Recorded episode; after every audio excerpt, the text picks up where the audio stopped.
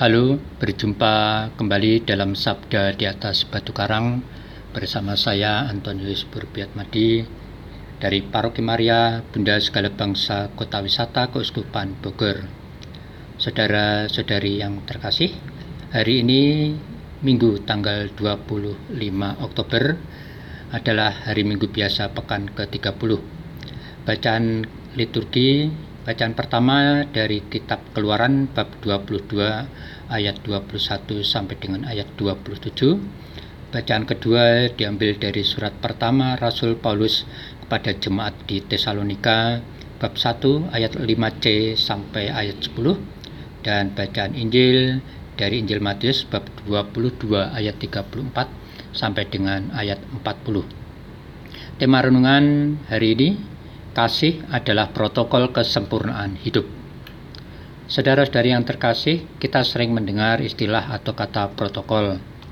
Maksud atau tujuan dibuatnya protokol kesehatan dalam masa pandemi COVID-19 ini, hal yang pertama dan yang utama adalah agar kita bisa selamat dari penyebaran atau dampak COVID-19.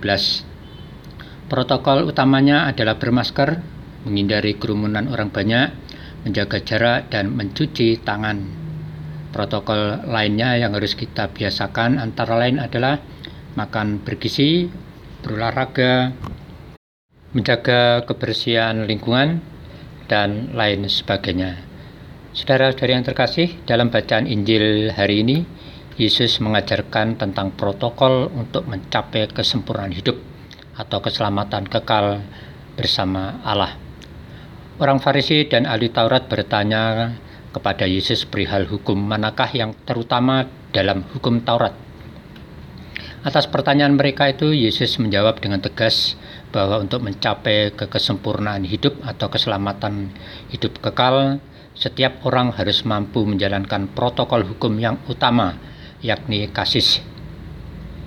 Protokol yang utama dan pertama itu adalah kasih terhadap Allah. Protokol ini harus dibiasakan untuk dilakukan dengan segenap hati, dengan segenap jiwa, serta dengan segenap akal budi. Jadi protokol yang utama dan pertama ini harus dilakukan dengan sungguh-sungguh, tidak setengah-setengah, atau kalau hanya ada maunya saja. Protokol utama dan pertama ini adalah dasar dari seluruh kehendak dan rencana Tuhan bagi umat manusia yang diminta oleh Tuhan bagi setiap dari kita adalah supaya kita mengimani bahwa Allah adalah kasih dan kasih itu adalah Allah. Di dalam diri Allah ada hukum kasih. Hukum kasih harus kita laksanakan sesuai dengan kehendak Allah. Sikap dan tindakan kita dalam menjalankan hukum Allah adalah perwujudan kasih kita kepada Allah. Bentuk kasih kita kepada Allah misalnya setia menjalankan perintah dan larangannya seperti yang tercantum dalam 10 perintah Allah, menyediakan waktu khusus untuk bersama Tuhan dalam doa pribadi, doa bersama keluarga atau komunitas, membaca kitab suci, meditasi pribadi, dan lain sebagainya.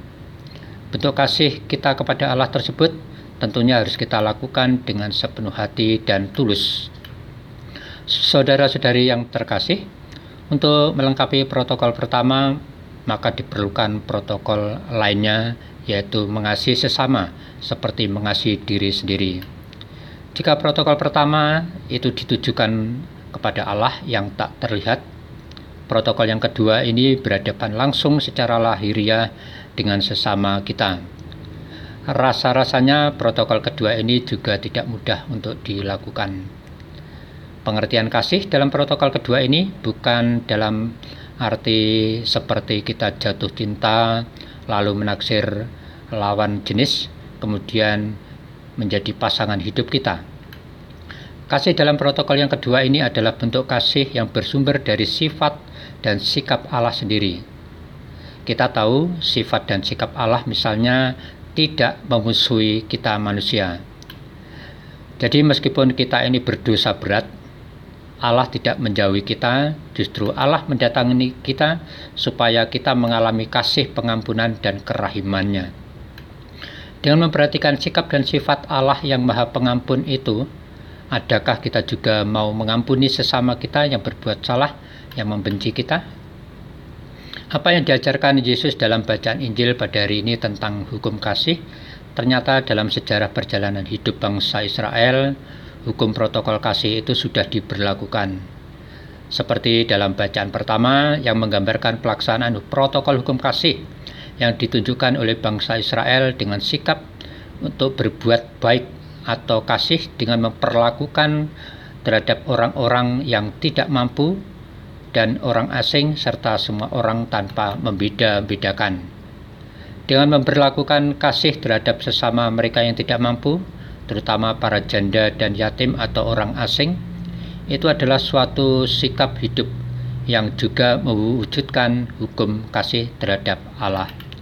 Saudara-saudari yang terkasih, dari apa yang kita dengarkan dari sabda Tuhan hari ini, Semoga kita semakin memahami bahwa mengasihi Tuhan dan sesama adalah hal yang tak terpisahkan dari hidup kita. Kita tidak bisa cukup taat dan setia menjalankan hukum kasih demi Tuhan saja, namun mengabaikan relasi dengan sesama. Demikian hal sebaiknya kita tidak bisa mencintai manusia, namun mengabaikan Tuhan. Perbuatan kasih kita kepada Tuhan secara nyata dapat terlihat dalam perbuatan kasih kita terhadap sesama. Karena kasih itu bersumber dari Tuhan, maka hendaknya pertama-tama dan terutama kita tujukan kepada Tuhan. Lalu kasih itu mengalir dengan mengasihi sesama kita. Jika kita melakukan protokol kasih dari Tuhan itu, maka sebenarnya Tuhan mempergunakan kita sebagai alatnya dalam pewartaan dan pelaku hukum kasihnya. Menurut Rasul Paulus, seperti kita dengarkan dalam bacaan kedua, bahwa hukum dan perbuatan kasih adalah alat dari Tuhan supaya kita menjadi teladan hidup bagi semua orang. Sehingga dengan kasih itu membuat banyak orang percaya kepada Tuhan. Harapan Rasul Paulus bahwa dengan melaksanakan hukum kasih Tuhan tersebut, maka akan menampakkan hidup iman kita yang sesungguhnya kepada Allah. Saudara-saudari yang terkasih, Perintah atau hukum mengasihi Tuhan dan sesama memang merupakan keutamaan hidup beriman kita. Untuk menghayati atau melaksanakan hukum kasih itu tentulah tidak gampang. Hari ini melalui firman-Nya Tuhan mengingatkan kita akan kehadiran kasih-Nya dalam diri kita dan sesama. Ketika kita mampu melaksanakan hukum kasih Tuhan itu, sebenarnya karena Tuhan telah mengasihi kita terlebih dahulu. Dengan demikian, maka kita seharusnya lebih dahulu mengasihi Tuhan baru kemudian mengasihi sesama kita.